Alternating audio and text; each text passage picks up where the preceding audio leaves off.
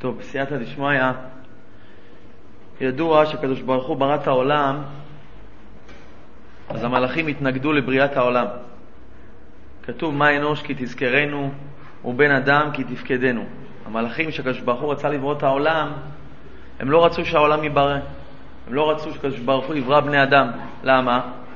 הם אמרו לקדוש ברוך הוא, תשמע, יבואו בני אדם, יעשו עבירות, יעשו חטאים, ילכו נגד התורה, נגדך חס ושלום, אז לא שווה לך, ריבונו של עולם, לברוא את העולם.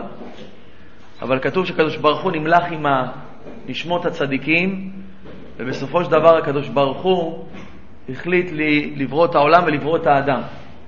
כתוב אנוכי אערבנו, מידי תבקשנו. הצדיקים הם ערבים לעולם, לעם ישראל, שהם יחזרו בתשובה. לכן, אחד מהעצות היותר גדולות, היותר מועילות להתקרב לשם יתברך, זה להיכלל בצדיקים. ומדובר על מה? לא רק על צדיקים שהם צדיקים שהם חיים, אלא על ידי קברות צדיקים. אחת מהדרכים החשובים ביותר להתקשר לשם יתברך זה על ידי תפילה ולימוד בקברות הצדיקים. מרן שולחן ערוך מביא במשנה ברורה, בסימן תקפ"א, הוא אומר, ויש נוהגים לטבול בערב ראש השנה משום קרי, ויש מקומות נוהגים ללך על בית הקברות ולהרבות שם בתחינות, ונותנים שם צדקה לעניים. אז אומר המשנה ברורה, ויש מקומות נוהגים ללך על בית הקברות, דבית הקברות הוא מקום מנוחת הצדיקים, והתפילה נתקבלה שם יותר. אך יבקש מהשם יתברך שייתן עליו רחמים בזכות הצדיקים שוכני עפר, ויקיף הקברות, וייתן צדקה קודם שאומר התחינות, ונלך על קבר אחד שתי פעמים ביום אחד. אז זה המשנה ברורה מסביר למה טוב ללכת על קברות צדיקים, בגלל שבית הקברות הוא מקום מנוחת הצדיקים והתפילה היא מתקבלת שם יותר.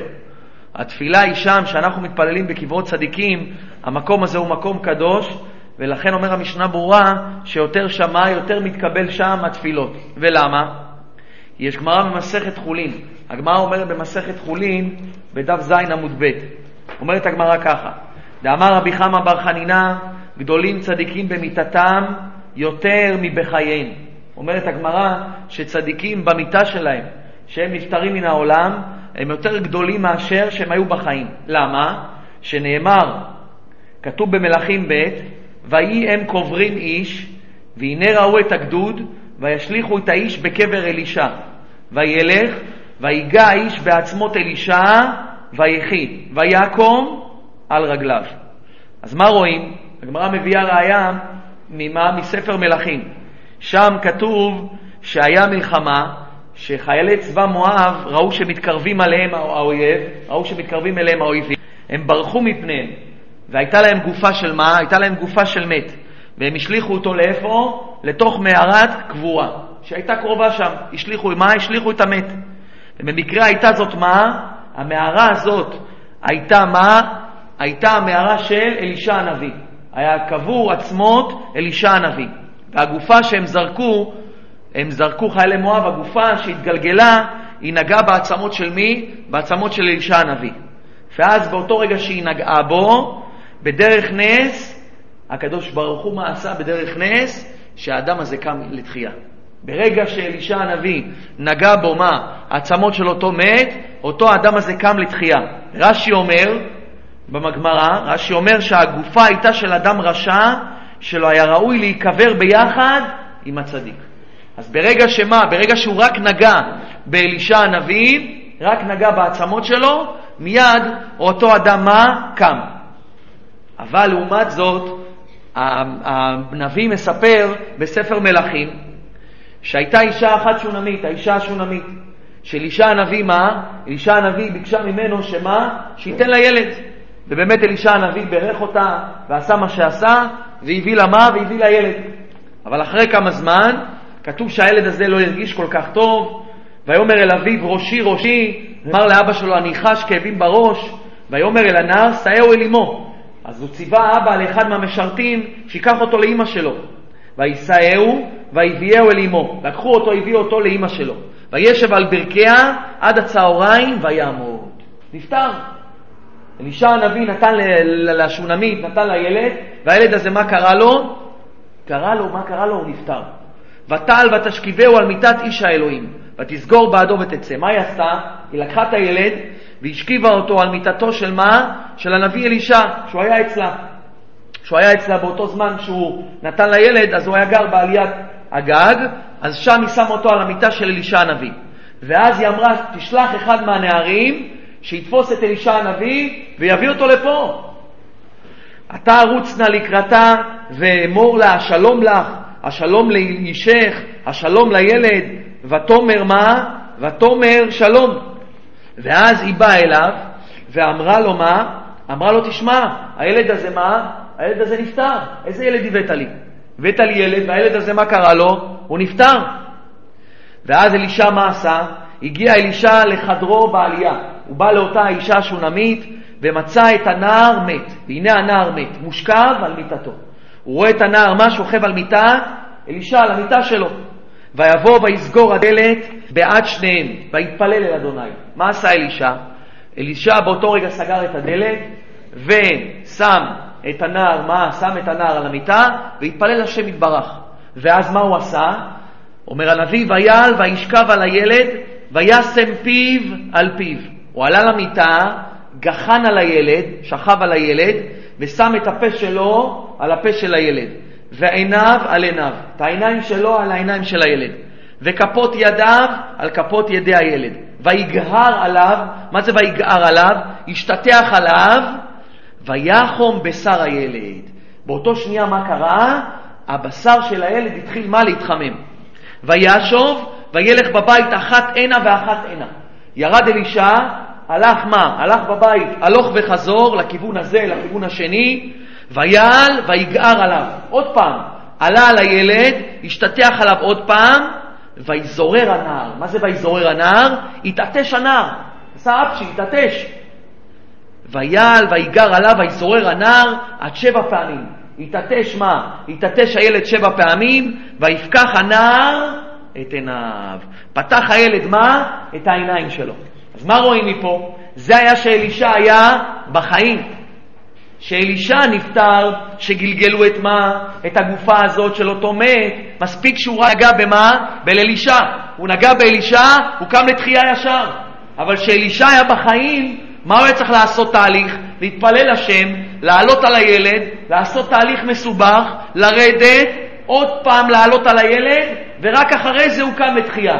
מפה אומר רבי חמא, גדולים צדיקים במיתתם יותר מבחייהם. הנה, רואים על אלישע. אלישע שהוא נפטר מן העולם, רק נגעו בו, קמו לתחייה. אבל כשהוא היה בחיים, היה צריך לעבור מה? תהליך מה? תהליך מסובך. ולפי הגמרא הזאת אנחנו רואים שמה? אם עכשיו אדם היו אומרים לו תשמע, אם היו אומרים עכשיו לאדם תשמע, רבי שמעון בר יוחאי מקבל קהל. תחשוב עכשיו שבמירון רבי שמעון בר יוחאי הוא חי וקיים והוא מקבל קהל. רבי מאיר בעל הנס מקבל קהל, רבי עקיבא מקבל קהל. הצדיקים, התנאים, האמוראים, מקבלים קהל עכשיו. מה אדם היה עושה? רץ מסוף העולם ועד סופו מה? בשביל להגיע לרבי שמעון בר יוחאי לקבל ברכה. אז אדם צריך לדעת שלפי הגמרא הזאת, הרשב"י עכשיו הוא הרבה יותר גדול מאשר שהיה בחייו. כשאדם הולך עכשיו לרשב"י הוא צריך לדעת, זו גמרא מפורשת. גדולים צדיקים במיתתה יותר מבחייהם. זאת אומרת שרשב"י עכשיו הוא יותר גדול מהחיים שלו. אם היית מבקש מרשב"י שהוא היה בחיים ברכה, ועכשיו כשאתה הולך לציון של רשב"י מירון ומבקש ממנו ברכה, זה הרבה יותר גדול. כי גדולים צדיקים במיתתם יותר בחייהם, כמו שהגמרא אומרת, וגם רשב"י כמה שנים עבר, איזה אלפיים שנה, הוא הכפיל את עצמו באין ספור הכפלות. כי כל פעם שבאו לציון שלו, הוא עלה בעוד מדרגה ועוד מדרגה ועוד מדרגה ועוד מדרגה, אז הצדיק, לא רק שהוא נפטר והוא יותר גדול מהחיים, אלא הוא נפטר והוא עולה בעוד מעלות ועוד מעלות ועוד מעלות ועוד מעלות. למה? למעלות רוחניות אינסופיות. אדם נוסע לרשב"י, הוא נוסע לרשב"י חי וקיים. אדם צריך לדעת שהוא בא לקברות צדיקים, הוא בא למה? הוא בא לצדיק חי וקיים, שיכול להועיל לך יותר מאשר הוא היה חי. כי הוא הרבה יותר גדול. הצדיק עכשיו הרבה יותר גדול. כשאדם בא לרשב"י, לרבי מאיר בעל הנס, לרבי עקיבא, לתנאים, לאמוראים, הוא לא בא לתנא שהוא חי, הוא בא לתנא הרבה הרבה יותר גדול, כי גדולים צדיקים במיתתם יותר מבחייהם. וזה מה שאומר רבנו ניסים. הר"ן אומר בספר דרשות הר"ן, בדרוש השמיני, זה הלשון שלו. ולפיכך בהימצא הנביאים והחסידים בדורות, יהיה השפע שופע עליהם, ובאמצעותם אפשר שיהיה שופע על כל המוכנים מבני דורם. אומר רבנו ניסים, אומר תשמע, השפע של העולם יורד דרך מי? דרך הנביאים, החסידים, באמצעותם יש שפע לכל העולם. וכל שכן לאותם שהם מתקרבים עליהם ומשתתפים עמם. כל שכן שאתה זוכה להתקרב לצדיק בחיים, אז השפע שלך יורד דרך מי? דרך הצדיק, כמו רבי חנינה בן דוסה, שרבי חנינה בן דוסה די לו בקו חרובין, וכל העולם ניזון בשביל חנינה בני. דרך הצדיק יורד כל השפע בעולם. ואומר רבנו ניסים, ולא בחייהם בלבד, כי גם לאחר מותם, מקומות קברותיהם ראוי להימצא השפע שם. אומר רבנו ניסים, תדע לך, זה לא רק בחיים של הצדיק, זה לא בחיים של אותו צדיק שאתה מקורב אליו, אלא גם מה? במקומות קברותיהם, שם נמצא השפע. כי עצמותיהם אשר כבר היו כלים לחול עליהם השפע האלוקי, שהם היו בעולם הזה, הצדיקים מה? העצמות שלהם היו כבר כלים למה? לקדושה, שתחול עליהם. עדיין נשאר בהם מן המעלה והכבוד, שיספיק לכיוצא בזה. אומר רבנו ניסים, תדע לך, כמו שבחיים חיותו של מה? של הצדיק, היה דרכו, העצמות שלו זה היו כלים לשפע הרוחני, לשפע הגשמי, ככה גם במקומות קברותיהם, אומר רבנו ניסים, יש את כל השפע. דרכם, דרך עצמותיהם, יורד גם השפע. ואומר רבנו ניסים, ומפני זה אמרו חז"ל, בגלל זה אמרו חכמינו זיכרונם לברכה, שראוי להשתטח על קברי הצדיקים ולהתפלל שם, כי התפילה במקום ההוא תהיה רצויה יותר. אומר רבנו ניסים, התפילה במקום קברות הצדיקים היא רצויה יותר. ולכן אומר הזוהר הקדוש, הזוהר הקדוש אומר שהצדיקים לאחר הפטירה שלהם מוליכים אותם דרך גיהנום. הצדיקים שהם נפטרים מן העולם, אומר הזוהר, מוליכים אותם מה? מוליכים אותם דרך גיהנום. למה? למה מוליכים אותם דרך גיהנום? מאחר זה שלום הצדיקים מגיע להם גיהנום? תכניס אותם לגן עדן. אלא אומר הזוהר הקדוש, ששם מתקבצים נשמות סביבותם, בכדי שיתעלו על ידי זה. ולכן אמרו בגמרא גדולים צדיקים במיתתם יותר מבחייהם. אומר השארית ישראל, מה הכוונה? מה הכוונה שהזוהר אומר שהצדיקים עכשיו עוברים מה? דרך גיהנום, וצדיקים במיתתם גדולים יותר מאשר בחייהם? אומר השארית ישראל ככה, כי אף שגם בעולם הזה הם מתקנים נשמות.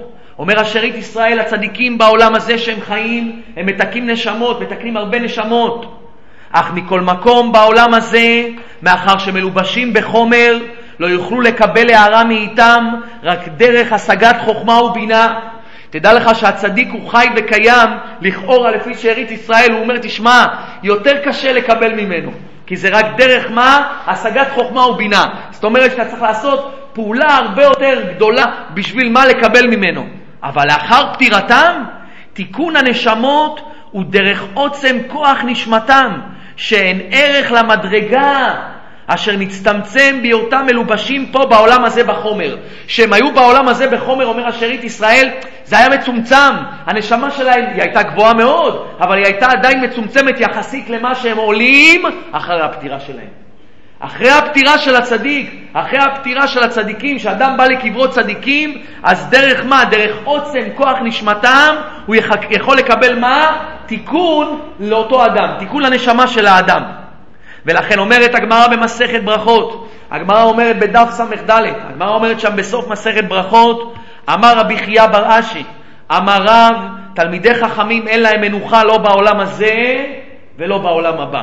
שנאמר ילכו מחיל אל חיל, יראה אל אלוהים בציון. אומר רבי חייא בר אשי, תדע לך, תלמידי חכמים אין להם מנוחה לא בעולם הזה ולא בעולם הבא. אז מובן, בעולם הזה, למה אין להם מנוחה? הם לומדים תורה, עמלים בתורה, ממיתים את עצמם בעולה של תורה, וגם יש להם מה? ציבור, עוזרים לאנשים, שיעורי תורה, כל הדברים שהם עושים. אז מובן למה מה? שואל הבן איש חי, מובן למה אין להם מנוחה בעולם הזה. אבל בעולם הבא, למה אין להם מנוחה? לכאורה, נפטרו מן העולם, צריכים לעלות, ליהנות מזיו השכינה. אז הוא שואל הבן איש חי, שאלה גדולה מאוד, למה הצדיקים בעולם הבא אין להם מנוחה? מה, חס ושלום, מה עושים להם? בעיות שם? צדיקים עכשיו עבדו פה כזה קשה, תן להם ליהנות מזיו השכינה בעולם הבא. אלא מסביר הבן איש חי ככה, קודם כל יש את הנימוקי יוסף, שדרך הנימוקי יוסף אנחנו נבין איך הבן איש חי יתרץ את הקושייה הזאת. אז הנימוקי יוסף מביא שמה זה תלמידי חכמים אין מנוחה לא בעולם הזה ולא בעולם הבא? הנימוקי יוסף ביאר שצדיקים אף לאחר מיתתם עוסקים בתורה בישיבה של מעלה. הצדיקים אחרי שהם נפטרים מן העולם הם עוסקים מה? בתורה בישיבה של מעלה. והיינו שמוסיפים כל הזמן השגות חדשות בתורה בעולם העליון. ואף על גב דאמרינן לאל, אמרנו לפני זה נפטרים מן המת לך בשלום. מה זה לך בשלום? כיוון שאין לו להוסיף שלמות אחריו. מה זה לך בשלום? זאת אומרת, אתה לא יכול, שלום, אתה לא יכול להוסיף יותר שלמות. נפטרת מן העולם, מה שעשית בעולם הזה, תקבל שכר. אבל שם בעולם האמת, אתה לא יכול להתעלות. אומר הנימוקי יוסף, אך האיירה, פה מדובר בצדיקים בני מעלות גבוהות מאוד. באמת בני אדם רגילים, לך בשלום. הוא לא יכול מה? לעלות ולעלות בעולם האמת. אבל אומר הנימוקי יוסף צדיקים שהם גדולים, בני מעלות גבוהות מאוד, אחר מיתתן יכולים להשתלם ולעלות במעלות גבוהות יותר. אומר הנימוקי יוסף שצדיקים נפטרים מן העולם, צדיקים גדולים, הם יכולים מה? לעלות ולעלות ולעלות מה? בעולם האמת. וזה מה שכותב מה? הגאון מווילנה. הגאון מווילנה מסביר את הפסוק ש- ש- שכתוב במשלי, ויעללוה בשערים מעשיה. אשת חיל הזה זה באמת הולך על מי? על הצדיקים האשת חיל. כל האשת חיל הוא מפורש על הצדיקים. אז מה זה אומר הגאון מווילנה ויעללוה בשערים מעשיה? אומר הגאון מווילנה ככה, שאדם בא לעולם הבא, נותנים לו 180 יום לדרוש ברבים בדברי התורה שלמד בעולם הזה. אומר הגאון מווילנה הצדיק שנפטר מן העולם הזה, נותנים לו 180 יום לדרוש בתורה שהוא למד בעולם הזה. וכל הצדיקים שומעים דבריו, ועל ידי זה התהלל. על ידי זה מהללים אותו, מה שהוא למד פה בעולם הזה. אבל במעשים אינו כן. אומר הגאון מווילנה, בתורה של הצדיק, בתורה של הצדיקים מהללים אותם. הם באמת דורשים 180 יום, הם באמת דורשים 180 יום ומהללים אותם. אבל במעשים של הצדיקים לא ככה. אלא אחרים מספרים מעשיו בעומדו בשער להיכנס לגן עדן. הצדיק לפני שהוא נכנס לגן עדן הוא עומד בשער של גן עדן. ואז מה? ואז מהללים אותו. וזה שכתוב ויעללוה בשערים מעשיה. מה זה ויעללוה בשערים? את הצדיקים מהללים בשערים. מי מהללים? אנשים אחרים. כביכול הצדיקים עומדים בשער של גן עדן, אומר הגאון מווינה, ויעללוה בשערים מעשיה. את המעשים של הצדיקים מהללים אותו מה? מהללים אותו צדיקים אחרים. לכן מה? לכן רואים מפה שלפי הנימוקי יוסף, שהצדיקים הם מתעלים ומתעלים ומתעלים מה? בעולם האמת. לכן אומר הבן איש חי דבר כזה, מה זה מה? מה זה אין להם מנוחה בעולם הבא? אומר הבן איש חי, מילא בעולם הזה אין להם מנוחה, שכל הזמן עסוקים בלימוד התורה הקדושה ובענייני ציבור, לעזור לאנשים, אבל בעולם הבא הפוך, לכאורה צריך ליהנות ממעשיהם, צריך ליהנות מזיו השכינה. אלא באמת אומר הבן איש חי הקדוש, שאנחנו הולכים לקבריהם ומבקשים שיתפללו עלינו לפני השם יתברך ויושיעו אותנו, כי עכשיו הם זוכים לעלות ולעלות באינסוף מדרגות. נמצא שאין להם מנוחה גם בעולם הבא. למה? שתמיד מסייעים בידינו. כשאנחנו באים אליהם, אז מה? לא מספיק בעולם הזה אנחנו באנו והם עזרו והושיעו אותנו. אומר הבן ישי, הרי בעולם הבא הם מתעלים ומתעלים עוד יותר. כשאני בא לקברות צדיקים, כשאתה בא לרבי שמעון בר יוחאי, אין לו מנוחה גם בעולם הבא. כי אתה בא מה? ושופך לפניו את הצרות שלך, ואומר הבן איש חי, רשב"י עכשיו מה? רשב"י חייב לעזור לך. לכן תמיד מסייעים ביד אלו שבאים על קבריהם. הם באים ומסייעים, מה? על אלה שבאים על קבריהם. וזה סיפור שקרה בזמן ישמח משה. בזמן ישמח משה, אז הבן שלו היה חולה. הבן שלו, הוא היה בן תשע, והוא היה חולה מאוד מאוד, במחלה מאוד מאוד קשה. וישמח משה אמר לחסידים שלו, תשמעו, תלכו לרבנו הקדוש בעל הנועם אלימלך, תלכו אליו ותתפללו מה? בעד, בעד הבן שלי. תתפללו בעד הבן שלי. ואמר להם, כאשר תבואו לחצר בית החיים, שתבואו לתוך בית הקברות, תאמרו אנחנו מנדרים פרוטה לצדקה בעד הנשמה אשר תלך ותגיד לנשמת הרבי רבי אלימלך, כי באנו על הציון שלו להתפלל לשם. אומר להם, זה כתוב בספרים הקדושים, שאדם בא עכשיו לקברות צדיקים, אז מה אדם יעשה? אדם עכשיו מה? ינדור עכשיו, אני אתן מה? אני אתן שקל לצדקה לנשמה הראשונה שתודיע לצדיק שמה? שאני באתי עכשיו. ואז ירוצו כל הנשמות הנמצאות שם בעת ההוא להגיד ולהודיע מה? להודיע לנו אמילימלך שמה? שאנחנו באנו. כי לא בכל עת שורה נפשו של אדם על קברו. לא תמיד הנפש שלו שורה על קברו. ושם בעולם האמת דבר יקר הוא אצל נשמות המתים, אשר יכולים להשתכר פרוטה שנותנים לתועלת נשמתם. לכן מה? הנשמות ירוצו מיד. כל אחד ירצה מה להגיע? להגיע לצדיק, להגיד לו, תשמע, יש פה אנשים שרוצים שתתפלל עליהם. ואז הוא אומר, הבעל ישמח משה, שבאמת הוא שלח לשם אנשים, לרבי מה? לרבנו הקדוש בעל הנועם אלימלך. ואז באמת, באותו רגע שהם התפללו שם, הוא אמר להם, תשימו לב, תסתכלו בשעון, באיזה שעה בדיוק הייתם אצל הנועם אלימלך. ובאמת הם התפללו, ופתאום הקיץ בנו הילד ששכב על ערסו כמתעלף בחדר הסמוך לחדרו. פתאום, הישמח משה נמצא, הוא לא יודע מה קורה שם, הוא שלח אותם להתפלל, פתאום אצלו בבית, מה הוא רואה? שהבן שלו קם ומתחיל לקרוא מה? אבא אבא. כאשר בא אליו, אמר לו הבן שלו, לישמח משה, מעתה תדע לך אבא, אקום מחוליי בעזרת השם יתברך, ואהיה מעתה בבריאות השלמות. אז שאל אותו הישמח משה את הבן שלו, מאיפה אתה יודע? איך אתה יודע שאתה תהיה בריא והכל יהיה בסדר? והשיב לו שבזה הרגע היה אצלי איש יהודי. תדע לך שהרגע היה אצלי איש יהודי. אמר לו איך הוא היה נראה? וצייר לו את תוארו ותמונתו כמי? כתמונת הקדוש הרבי אלימלך מליזנסק. הוא בדיוק צייר לו מה? הוא בדיוק צייר לו הבן שלו, לישמח משה, את מה? את הציור של מה? תואר ותמונתו של הקדוש רבי אלימלך. הוא בירך אותי, והבטיח לי שאתה, מעתה אני אהיה בריא. ותכף הביט אביו הקדוש מה? אל השעון. הוא ראה בדיוק באיזה שעה הבן שלו קם. ואחרי זה שמה? שהחסידים שלו חזרו הביתה, שהוא דיבר איתם ושאל אותם, הוא ראה שבדיוק שהם היו בציון, באותה שעה שהם היו בציון, מה קרה? הבן שלו באותו שעה קם מה? קם ברוך השם לתחייה והכל כמו שצריך.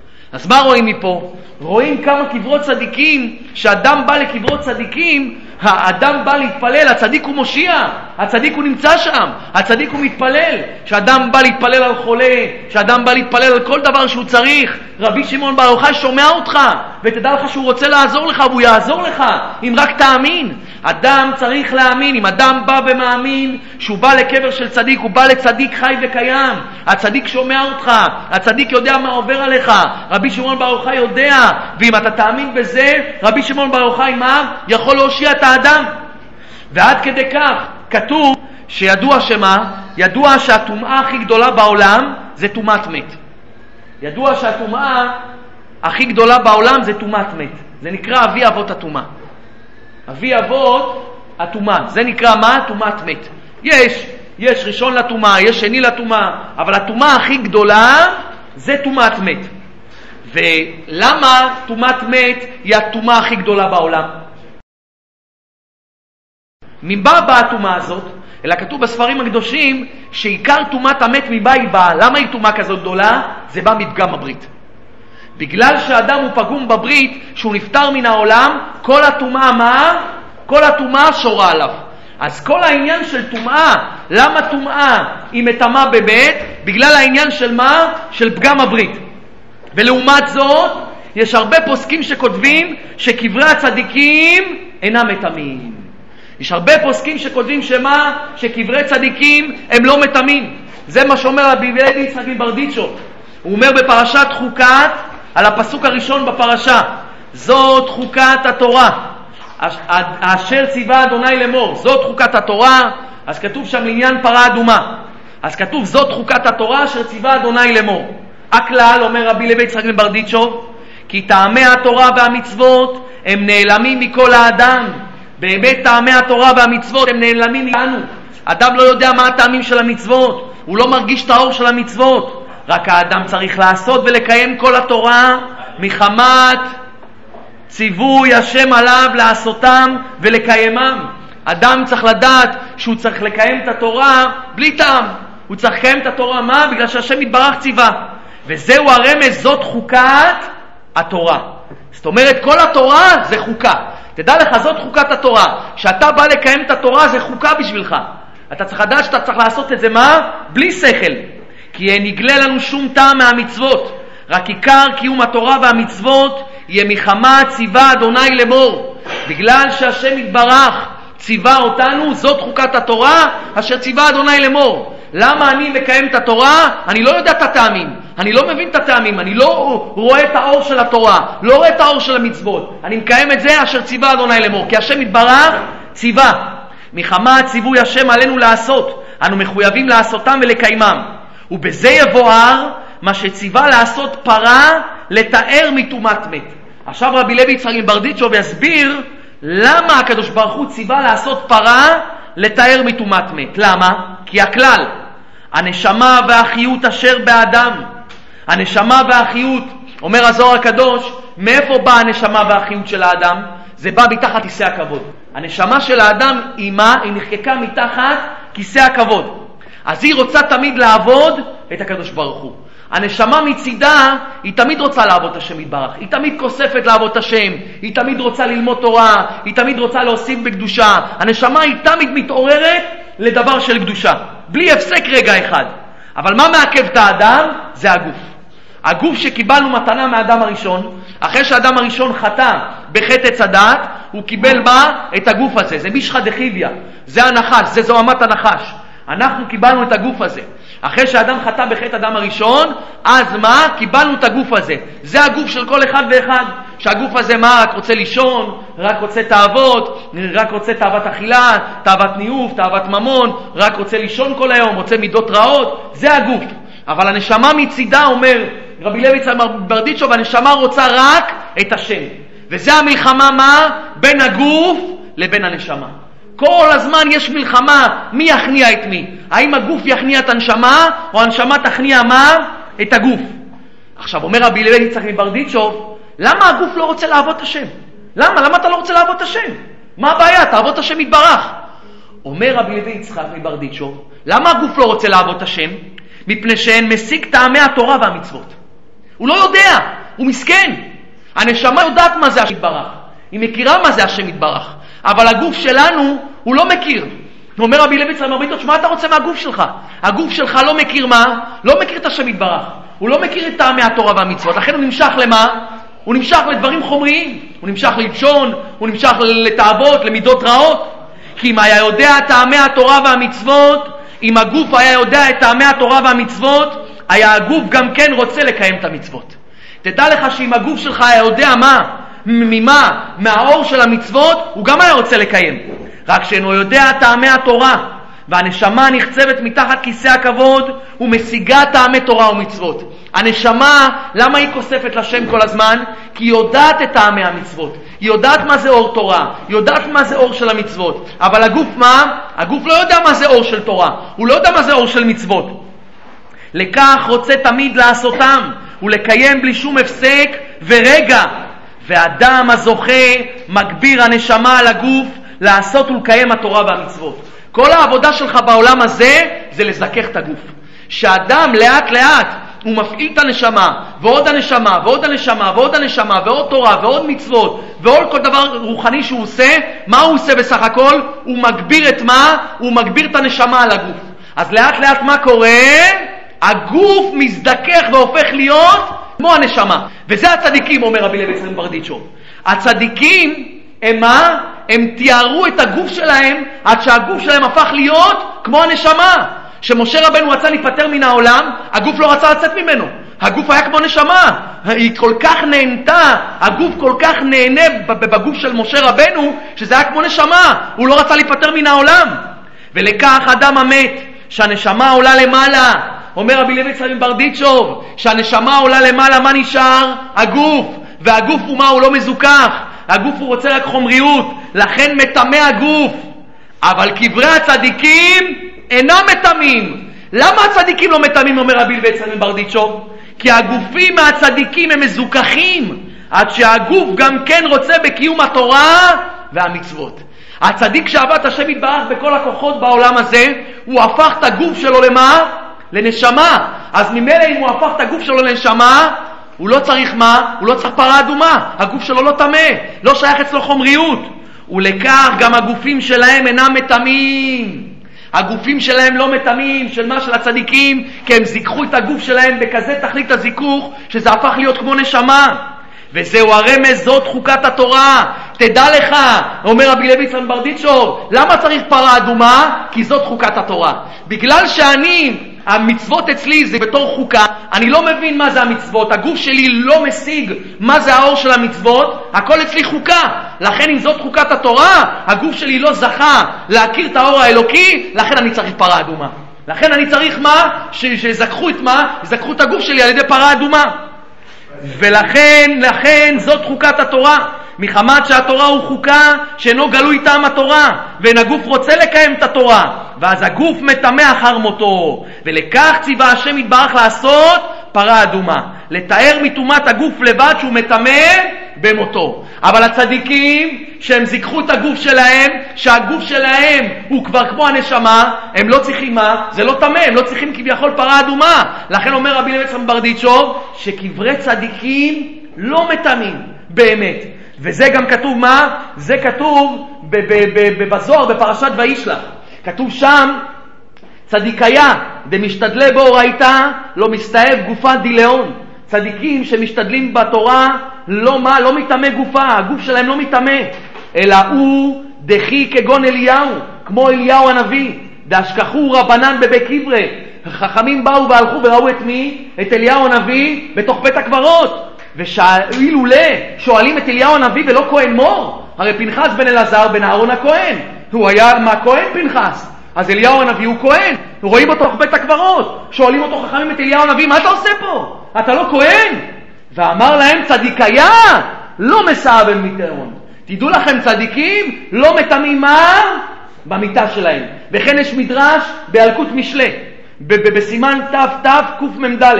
הוא אומר שם שנטפל אליהו ונטל את רבי עקיבא על כתפו. ראו את אליהו לוקח את רבי עקיבא, שהוא נפטר, על הכתף שלו. וכשראו רבי יהושע הגרסי כך, ראה אותו רבי יהושע הגרסי, אמר לו רבי, והלא אמש אמרת לי שכהן אתה, הרי אתה כהן, מה אתה עושה פה? אומר לו רבי יהושע. והרי כהן אסור להיטמע למת.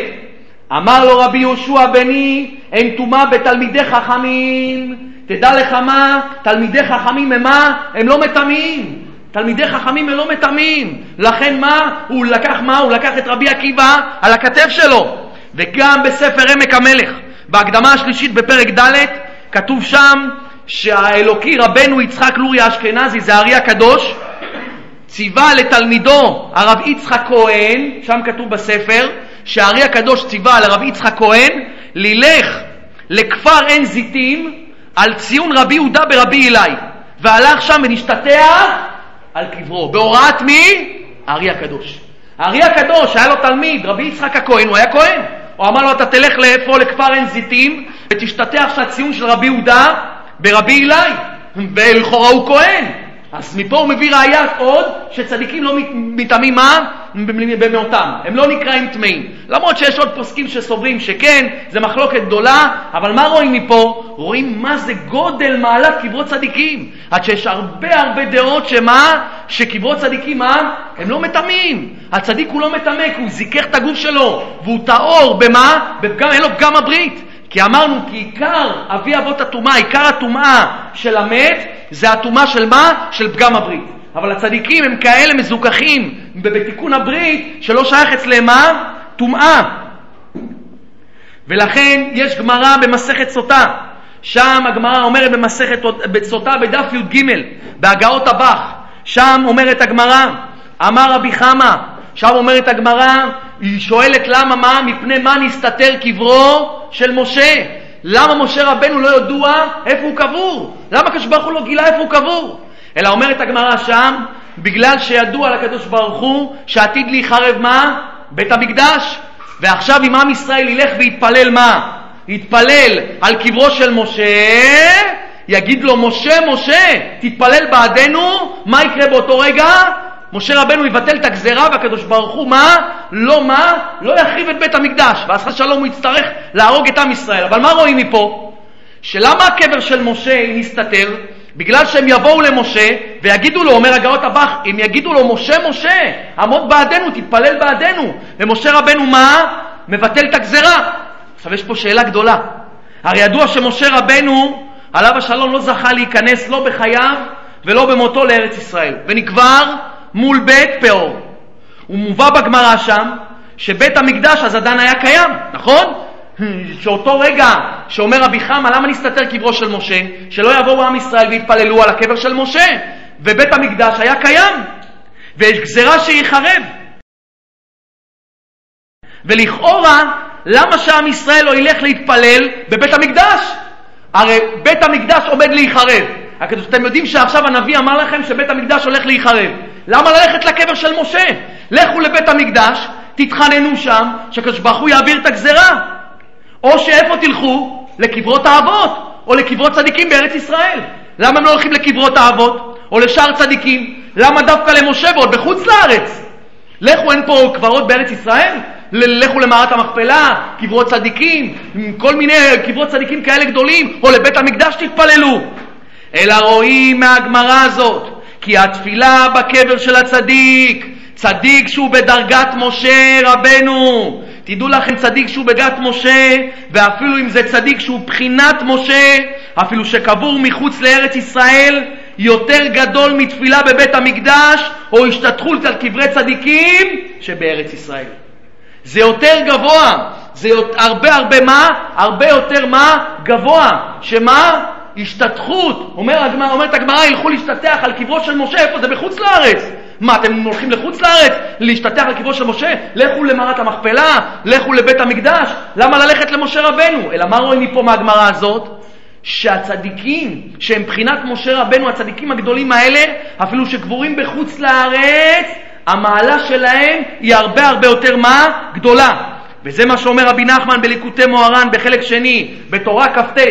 אומר רבנו שם בליקוטי מוהר"ן בתורה כ"ט, סיפר עמי מעניין קבר הבעל שם טוב, זכר צדיק וקדוש לברכה, שטוב מאוד להיות שם על מה? על קברו. אומר רבנו, הוא סיפר לרבי נתן, תדע לך, הקבר של הבעל שם טוב, טוב מאוד להיות שם על קברו, ואמר, כי צדיקים ירשו ארץ. כתוב בתהילים, במזמור ל"ז, צדיקים ירשו ארץ. מה זה צדיקים ירשו ארץ? אומר רבי נחמן מברסלב, היינו שהצדיקים האמיתיים יורשים ארץ ישראל, שזוכים שמקום גניזתם הוא קדוש בקדושת ארץ ישראל ממש. שאתה נוסע לנועם אלימלך בחוץ לארץ, תדע לך שאתה הולך למה? לארץ ישראל. כביכול, שאתה נמצא על הציון שלו, תדע לך שהוא קדוש בקדושת ארץ ישראל. כי צדיקים ירשו ארץ. כשאדם הולך לקברות צדיקים בחוץ לארץ, אפילו שזה בחוץ לארץ, צדיקים ירשו ארץ. המקום גניזתם הם כמו מארץ ישראל. וארץ ישראל הוא תיקון גדול לפגם הברית. וארץ ישראל הוא תיקון גדול מאוד לפגם הברית. לכן אדם שהולך לקברות צדיקים זה תיקון גדול לפגם הברית. תיקון מאוד מאוד גדול לפגם הברית. לכן אדם צריך להאמין שהוא בא לקברי צדיקים, שהצדיקים חיים וקיימים, ויכולים לפעול ישועות גדולות בשבילו. ישועות מאוד מאוד גדולות. כשאדם בא לקברות צדיקים, הוא בא לצדיקים חיים וקיימים, שהם שומעים אותו ויכולים לעזור לו ולהושיע אותו בכל דבר שהוא ירצה. זה מה שכתוב במדרש רבה. המדרש מביא שם בפרשת כי תישא, שאחרי חטא העגל, משה רבנו ניסה לבטל את הגזרה. אחרי שעם ישראל חטא בעגל, משה רבנו ניסה לבטל מה? את הגזרה. אומר המדרש, אמר הקדוש ברוך הוא למשה, אני מבקש ממך מה שביקשתי מאברהם בסדום. אומר השם יתברך למשה רבנו, תקשיב, אתה רוצה מה? אתה רוצה לבטל את הגזרה? אין שום בעיה. אני מוכן מה? אני מוכן לבטל את הגזרה, אבל מה? אני רוצה שתביא לי כמו שאברהם הביא לי. מה אברהם הביא לי? עשרה צדיקים בסדום? אמרתי לו, אם תביא לי עשרה צדיקים אני לא הופך את המקום, אני גם רוצה עשרה צדיקים. ואיני מכלה אותם, אני לא אכלה את עם ישראל. אמר ריבון העולם, אני מעמיד לך, אני אעמיד לך עשרה צדיקים. אני, אהרון, אלעזר, איתמר, פנחס, יהושע וכלב. אמר לו משה רבנו, הנה. אמר לו השם יתברך, זה שבע, חסר עוד שלוש. איפה עוד שלוש? לא יודע היה משה מה לעשות, אומר המדרש, משה רבנו לא ידע מה לעשות. עד שפתאום אמר משה, ריבון העולמים, חיים הם המתים? ריבונו של עולם, המתים הם נקראים חיים? ענה לו השם יתברך, כן. ואז אמר משה, זה מה שכתוב בפרשת ויכל משה, זכור לאברהם, ליצחק ולישראל עבדיך, שנשבעת להם בך, ותדבר עליהם הרבה את זרעכם, וכוכבי השמיים וכל הארץ הזאת שאמרתי לכם את אלה זרעכם, ונחלו לעולם.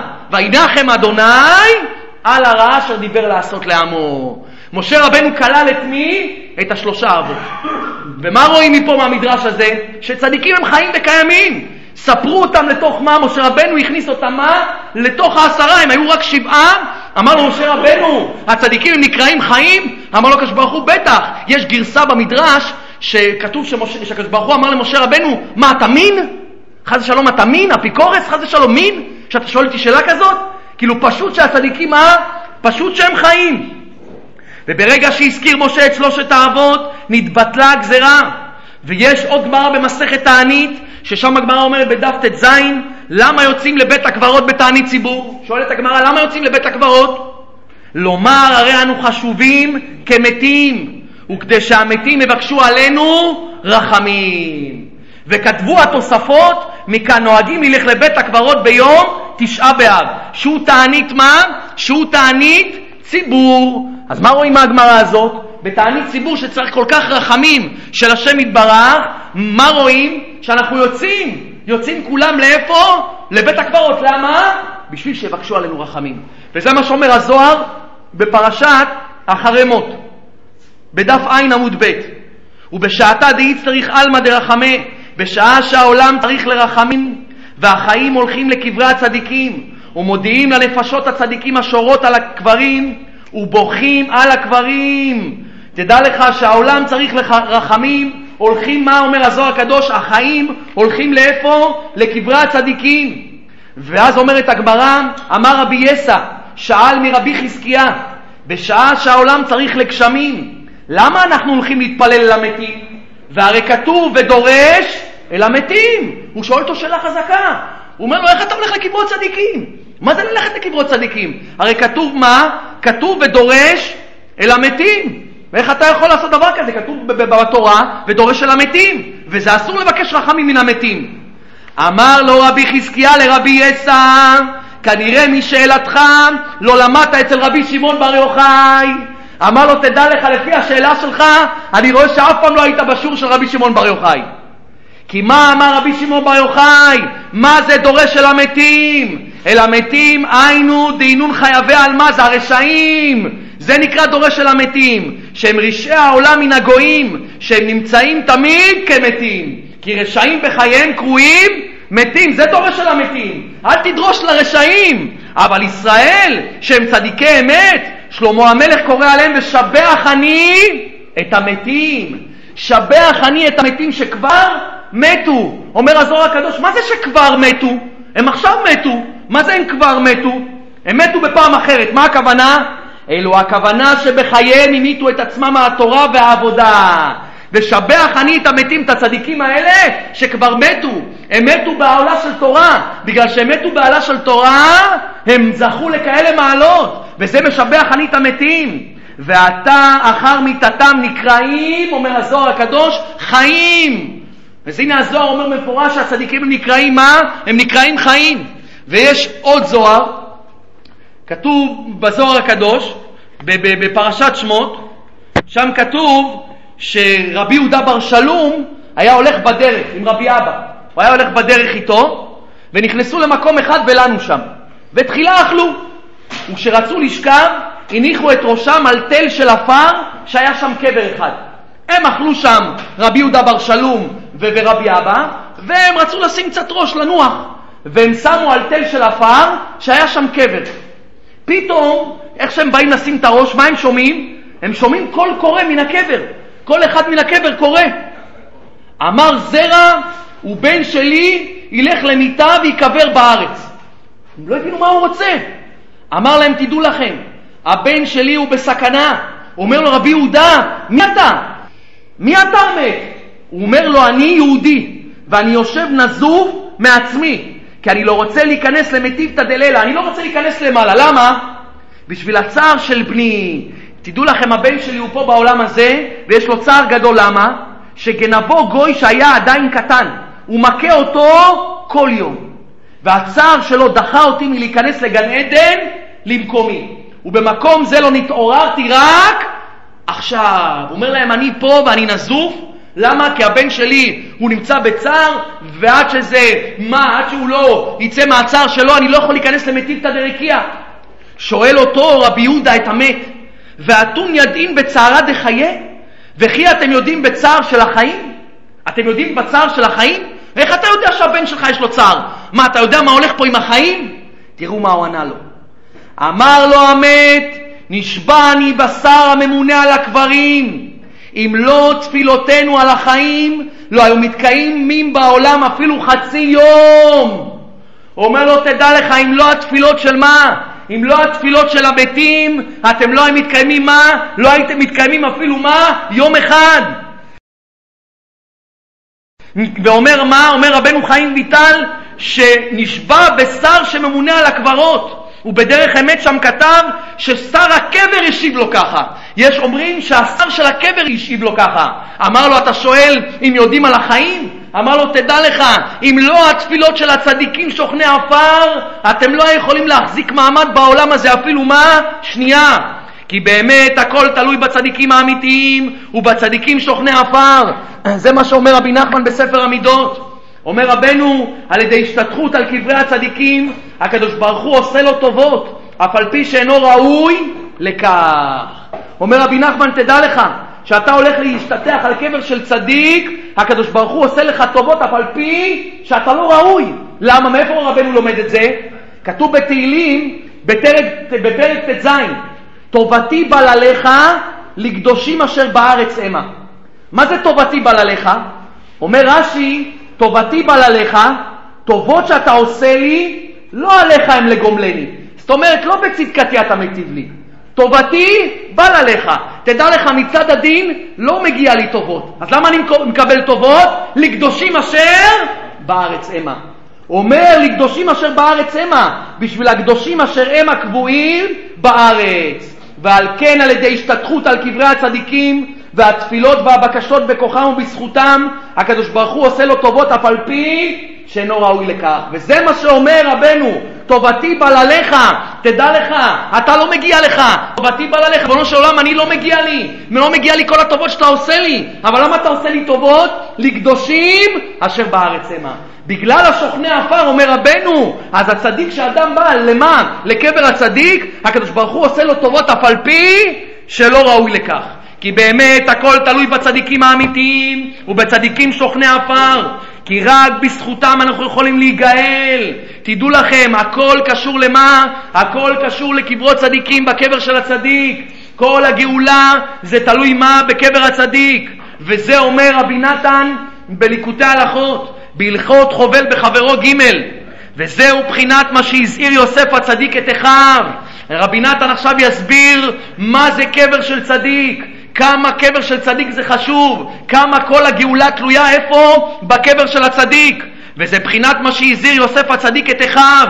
יוסף הזהיר את האחים שלו מה? הוא אמר להם, השביע אותם, פקוד יפקוד אלוהים אתכם, ועליתם את עצמותיי מזה איתכם.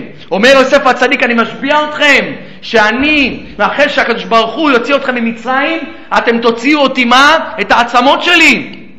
כמו שכתוב, ויקח משה את עצמות יוסף, כי השבע השביע לאמור, פקוד יפקוד אלוהים אתכם ועליתם את עצמותיי, מזה איתכם. אז יוסף הצדיק משביע את עם ישראל, שאתם יוצאים ממצרים, לא תשכחו לקחת את מה? את העצמות שלי. והיית בזוהר הקדוש, אומר רבי נתן, אומר הזוהר הקדוש שעיקר הגאולה היה על ידי עצמות יוסף שלקחה משה והתקשר עליהם. אומר הזוהר, תדע לך, למה עם ישראל זכה לצאת ממצרים? כי משה רבנו לקח את קבר הצדיק, הוא לקח את מה? את עצמות יוסף. היינו כנ"ל, זה בחינת עוצם הפלגת מעלת קברי הצדיקים. הגאולה של עם ישראל במצרים, אומר רבי נתן, למה משה רבנו, יוסף השביע אותם לקחת את העצמות שלו? למה הוא לא עשה כמו יעקב? באותו רגע שהוא נפטר, הרי הוא היה מלך במצרים, תעלו את העצמות שלי לארץ ישראל. למה אתה צריך לחכות שעם ישראל יצא ממצרים? כי אומר הזוהר הקדוש, תדע לך, כל הגאולה של עם ישראל היה בזכות עצמות יוסף. בגלל שיוסף הצדיק ירד למצרים והכין את הקרקע שם ועמד בניסיונות כאלה גדולים ונפטר שם, היו צריכים עכשיו מה? משה רבנו היה צריך להתקשר, אומר הזוהר הקדוש, לעצמות של יוסף, לקחת אותם ורק אז יכולים לצאת מה? ממצרים.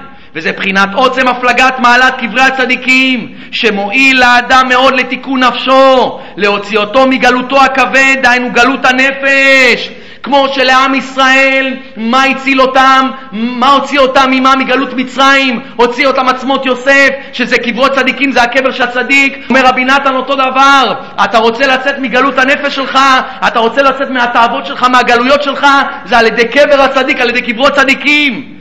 שהיינו גלות הנפש, שהוא עיקר הגלות, שהוא בחינת גלות מצרים, שכולל כל הגלויות, בבחינת ויקח משה את עצמות יוסף עמו. משה רבנו היה חייב את העצמות של יוסף, שעיקר גאולת מצרים היה על ידי עצמות יוסף, שלקחם לקוברם בארץ ישראל. כי ארונו של יוסף שנשאו בעת יציאת מצרים, מה זה כזה חשוב? כל הזמן רואים שנושאים את הארון של יוסף, למה זה כזה חשוב? זה בחינת קבר הצדיק, זה קבר הצדיק, כל הגאולה במצרים הייתה בזכות ארונו של יוסף, הכל זה היה בזכות הארון של יוסף, בזכות קבר הצדיק, זה בחינת קבר הצדיק שעל ידי זה היה עיקר גאולתם. כי יוסף הצדיק זכה לתקן הכבוד לקדושה, ועל שם זה נקרא יוסף. למה יוסף? על שם תיקון הכבוד. כי מה זה תיקון הכבוד? אדם צריך לדעת שכל הכבוד שהוא מקבל זה רק יהיה כבוד השם. כל כבוד שמגיע לך, אתה חייב להעלות את זה לשם יתברך. אסור לאדם שום לכבוד לקחת לעצמו. ובמצרים שם זה היה עיקר הטומאה, שם זה היה עיקר פגם הברית. ולכן יוסף, שזכה לעמוד בניסיונות הכי גדולות שם, הוא העלה את הכבוד ממצרים. הוא העלה מה? את כל הכבוד מה שנפל שם לתוך מצרים, הוא העלה את הכל. לך נקרא יוסף, שאסף את החרפה. מה זה חרפה? חרפה זה בדיוק הפוך מכבוד. אז לכן יוסף נקרא יוסף כי הוא אסף את החרפה, הוא העלה את הכבוד, שהיא הפך הכבוד. כי הוא זכה להעלות ולתקן את הכבוד על ידי שעמד בניסיון וכבש יצרו באשת אדוניו. תדעו לכם שאם יוסף לא היה יורד למצרים ראשון, עם ישראל לא היה יכול לצאת ממצרים. על ידי שיוסף ירד למקומות האלה למצרים, ושם עמד בניסיונות אדירים. כי הוא היה שם בניסיון אדיר, כתוב במדרש שיוסף הצדיק עמד בניסיון כזה גדול, שאם תיקחו את כל הניסיונות של כל בני אדם בתאוות ניוף, מבריאת העולם ועד סופו, הוא עמד כי היה צריך לפתוח לכל העולם. בגלל שהוא היה צריך לפתוח לך מה? שתוכל נגד כל, נגד כל התאוות שלך, נגד כל הפגמי ברית שלך, יוסף היה צריך לעמוד נגד ניסיון אינסופי שכולל את כל לשמות ישראל. כי הוא זכה להעלות ולתקן את הכבוד על ידי שעמד בניסיון, וכבש יצרו באשת אדוניו, ולא רצה לחתו להמשיך חס ושלום נפשו הקדושה לתוך כבוד הסטרא אחא. אם חס ושלום, חס ושלום יוסף היה הולך איתם, הוא היה מפיל את הכבוד, כבוד השם, לסטרא אחא. כי ללכת עם גויה, כשאדם הולך עם גויה, אז הוא מפיל את הכבוד, כי האות ברית של האדם, מה זה? זה אות ברית של השם יתברך, שאתה עושה ברית עם השם יתברך. זה נקרא מה? זה חלק מהשם יתברך, חלק מהאות של, מהאותיות שלו. את מכניס את זה אצל גויה, אתה חס ושלום מטמא, אתה מוריד את הכבוד של קדושה לסטרא אחא. אז יוסף שעמד בניסיון, כזה גדול, הוא העלה את הכבוד מהסטרא אחא.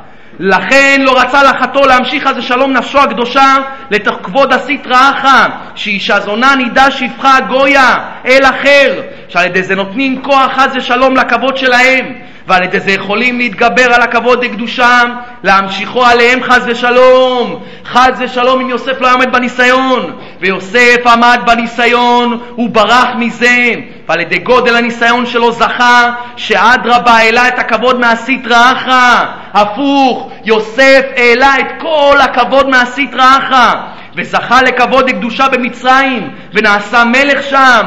למה הוא זכה? למה הוא נקרא בכור שורו הדר לו? מה זה בכור שורו הדר לו? הדר זה כבוד. כי יוסף עמד בניסיון הזה בפגם הברית, והוא העלה את כל הכבוד של הסטרא אחא. אז ממילא נוצר מה? כבוד לקדושה. לשון כבוד והדר, זה הדר לו, בכור שורו הדר לו. וכמבואר בתורה מגודל כבודו שזכה על ידי זה, כמו שכתוב וירכב אותו במרכבת המשנה, ויקראו לפניו מה? אברך, יוסף זכה לכזה כבוד. למה הוא זכה לכזה כבוד ממצרים? בגלל שהוא העלה את כל הכבוד מהסטרא אחא לכבוד לקדושה. וכמו שכתוב בזוהר הקדוש, יוסף מדילי נטל, הוא לקח עצמו, זה לא כבוד שנתנו לו, זה הגיע לו, כי הוא העלה את כל הכבוד של מה? מהסטרא אחרא. היינו מחמת שעמד בניסיון ולא רצה להגביר חס ושלום הכבוד דסיטרא אחרא על ידי פגם הברית, על ידי זה זכה שאדרבה העלה את הכבוד מהם, הוא העלה את כל הכבוד ממצרים, ועל ידי, זכה, על ידי זה זכה לכבוד גדול במצרים דייקה, כי העלה את הכבוד מן הטומאה מערוות מצרים אל הקדושה, כי זכה שם לכבוד לקדושה, ועל ידי גודל תיקון הכבוד שזכה שם, על ידי זה היה עיקר חיותם וקיומם של ישראל מיום ירידתם למצרים עד שעלו משם. אומר רבי נתן, תדע לך, כל מה שעם ישראל עמד בגלות מצרים, בכזה גלות נוראית, ערוות מצרים, זה היה עיקר פגם הברית, זה היה תאוות כאלה נוראיות של פגם הברית. תדע לך, כל מה שעם ישראל, מה, עמד בניסיון, זה בזכות יוסף הצדיק. כי תחילת ירידת 70 נפש בית יעקב למצרים על ידי, היה על ידי הכבוד של יוסף. כי באמת עם ישראל, מה היה צריך יעקב לרדת? בשלשלאות של ברזל, בלי כבוד. אבל יוסף מה? על ידי שהוא זכה לעמוד בניסיון, הוא העלה את הכבוד מהסטרא אחרא, ולכן יוסף אמר למה? לאחים שלו, תגידו לאבא שלי, והגדתם להביא את כל כבודי במצרים. שאלה גדולה, אומר רבי נתן. מה יוסף אומר ליעקב, שמע, יש לי כבוד, אני מקבל פרסום במצרים, תרד? לא. אלא מה הכוונה כבוד? תדע לך, אבא, העליתי את כל הכבוד מהסטרא אחרא לתוך הקדושה. והגדתם להביא את כל כבודי במצרים, ומיהרתם והורדתם את אבי הנה, והגדתם את כל כבודי דייקה, כי דייקה על ידי הכבוד נמשכו וירדו נפשותם לשם, וכמבואר לעיל, ומחמת שיוסף תיקן והעלה אז את הכבוד, ועל ידי זה ירדו לשם, ולא ירדו לשם בשלשלאות של ברזל, כי יעקב היה צריך לרדת למצרים על ידי שלשלאות של ברזל, על ידי התגברות הכבוד והמלכות דסיטרא אחא מתחילה, רק מתחילה ירדו לשם בכבוד על ידי כבוד יוסף, על ידי זה היה להם קיום כל ימי היותם שם במצרים בגלות, הכל בזכות יוסף הצדיק. כי אף על פי שאחר כך התגברו המצרים, נכון שאחרי זה התגברו המצרים, ועם ישראל נפל לגלות מצרים, וכבשו אותם בגלות כזאת כבדה, מחמת שלא נתברר ולא נגמר התיקון הכבוד בשלמות, שנפגם על ידי חטא אדם הראשון. על כן התגברו המצרים והסטרא אחא. אומר רבי נתן, תדע לך, נכון אחרי זה המצרים התגברו על עם ישראל, אבל מה? היה פתח להינצל. אם יוסף לא היה עומד בניסיון, לא היה מתקן את הכבוד לקדושה, עם ישראל חס ושלום היה שוקע במצרים, ולא היה מצליח לצאת מזה. והסטרא אחא היה להגדיל כבודם וכבשו ישראל בגלות. אף על פי כן היו יכולים להתקיים על ידי שכבר התחיל יוסף לתקן ולהעלות הכבוד. יוסף פתח את הפתח, יוסף הצליח מה? להעלות את הכבוד מהסטרא אחא ופתח פתח לצאת ממצרים. שעל ידי זה לא היה כוח כל כך לסטרא אחא להתגבר עליהם.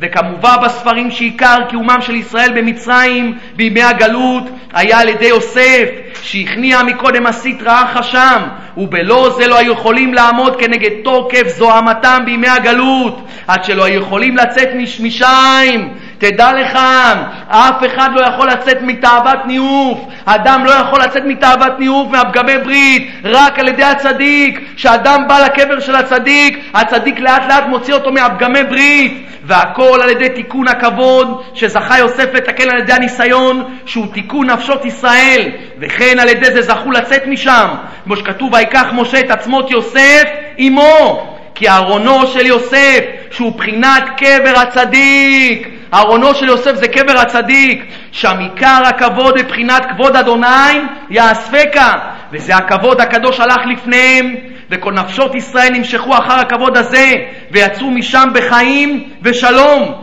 כי כשזוכים שבא הכבוד לטובה, אז היכולים למשוך אחר הכבוד ולכלול בו, ולהישאר בחיים. אדרבה, עוד נתווסף לו נפש וחיות חדש על ידי הכבוד שבא לטובה. שאדם בא, בא לו כבוד והוא מעלה אותו לשם יתברך, הוא ההפך משלים את נשמתו. כי כשבא הכבוד שהוא בחינת מלכות לטובה, אזי נכללים בו בבחינת התחדשות הנפש והבן. וזה בחינת יציאת נפשות ישראל ממצרים על ידי עצמות יוסף, שהוא בחינת קבר הצדיק, בחינת כבוד וקדושה, שעל ידי זה יוצאים הנפשות מגלותם לחיים ולשלום, וזה בחינת ענני כבוד. למה ענני כבוד? מה קשור כבוד? ענני כבוד? זה הכבוד הזה שהלכו תמיד לפני מחנה ישראל על ידי יוסף, את הכבוד והוציא את עם ישראל ממצרים, הם זכו לענני כבוד, כי זה הפך לכבוד של קדושה. כמו שכתוב לו ימיש עמוד הענן יומם ועמוד האש לילה לפני העם. כי הכבוד לקדושה, בחינת הענני כבוד הלך לפני מחנה ישראל תמיד, והם נמשכו והלכו אחרי הכבוד שהוא שורשם, ועל ידי זה היה עיקר גאולתם. וזהו שנמסך הנסמך עליית עצמות יוסף לענני כבוד בתחילת פרשת בשלח. מה קשור שם בפרשת בשלח? כתוב ויקח משה את עצמות יוסף עמו, ומיד כתוב מה? על ענני הכבוד. מה קשור ענני הכבוד? וייסעו מסוכות, ואדוני הולך לפניהם יומם בעמוד ענן, הנחותם הדרך. מה קשור ויקח משה את עצמות יוסף לענני כבוד? אלא רבי נתן מסביר, היינו כנ"ל, כי גם פסוק וייסעו מסוכות מרמז על ענני כבוד. למה עושים סוכה? בגלל ענני כבוד. ובשביל זה נסיעה ראשונה שיצאו ישראל ממצרים היה מרעמסס לסוכות, ישמע גרים, לאורות שנמשכו תכף ביציאתם אחרי בחינת סוכות, שמה? שזה ענני כבוד, שזה בחינת סוכה, שעל ידי זה עיקר יציאתם וכנ"ל. אז נמצא שלפי רבי נתן, עיקר מה? עיקר יציאת מצרים, עיקר מה שעם ישראל זכה לצאת ממצרים, זה בזכות ויקח משה את עצמות יוסף. שאדם בא לקבר של הצדיק, אדם יכול לצאת מכל הגלויות שלו. על ידי שהוא בא לקבר של הצדיק, הצדיק יכול להוציא אותו מכל הפגמים שלו. וזה אומר רבי נתן בליקוטי תפילות. בליקוטי תפילות, ב... ב, ב, ב, ב בתפילה ל"ג, אומר רבי נתן בתפילה ל"ג, שם רבי נתן אומר שבאמת אנחנו יש לנו לסמוך רק על מה? רק על הצדיקים, ריבונו של עולם. אתה ידעת כאילו היה עולה על דעתי לבקש כל אלה מלפניך. אומר רבי נתן, תדע לך, ריבונו של עולם, אני מעצמי לא מגיע לי שום דבר. כי אף על פי שאיני יודע כל התרחקותי ממך, אדם לא יודע כמה הוא רחוק מהשם, כמה לא מגיע לו כלום, אבל אפילו לפי מעט ידיעתי מהתרחקותי ממך, גם כן לא היה עולה על דעתי לבקש על מעט מאלה. אומר רבי נתן, באמת לא מגיע לי כלום. ריבונו של עולם, לפי ההתרחקות שלי, מה שאני מבין, למרות שאני רחוק הרבה יותר מזה, לא מגיע לי שום דבר. אך אתה, אדוני, ידעת את לבבי. כי כל דברי תחינותיי ובקשותיי, וכל תקוותי ומבטחי עדיין, אני ריבונו של עולם לא מגיע לי כלום, אני באמת לא יכול לצאת מהתאוות שלי, אני לא מגיע לי שום דבר, הוא רק על זכות וכוח הצדיקים האמיתיים. רבי נתן אומר, ריבונו של עולם, אני לא יכול לבוא לדבר איתך, אני לא מגיע לי לדבר איתך, אבל אני בא בכוח הצדיקים.